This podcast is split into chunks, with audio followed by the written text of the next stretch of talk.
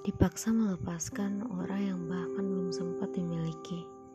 Mungkin adalah hal yang paling membingungkan yang pernah aku alami.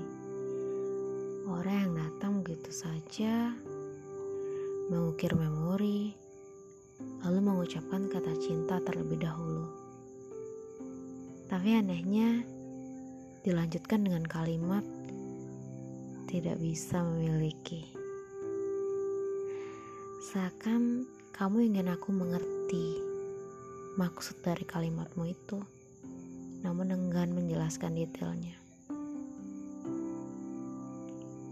Selalu meminta waktu untuk bertemu, lalu mengucapkan kalimat yang mengundang keingintahuan, tapi tak kunjung terjelaskan. Namun, saat aku menolak pertemuan, malah dibilang terlalu jahat. Hmm, tunggu deh. Ini sebenarnya yang jahat aku atau kamu sih? Terus maunya kamu apa? Banyak pertanyaan yang timbul sebenarnya.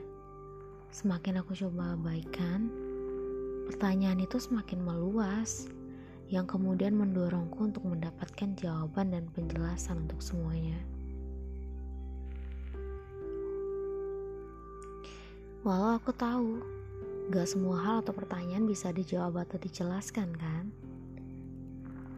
Tapi, aku yakin semua pertanyaan pasti ada jawabannya, karena jawabanlah yang mengundang keberadaannya.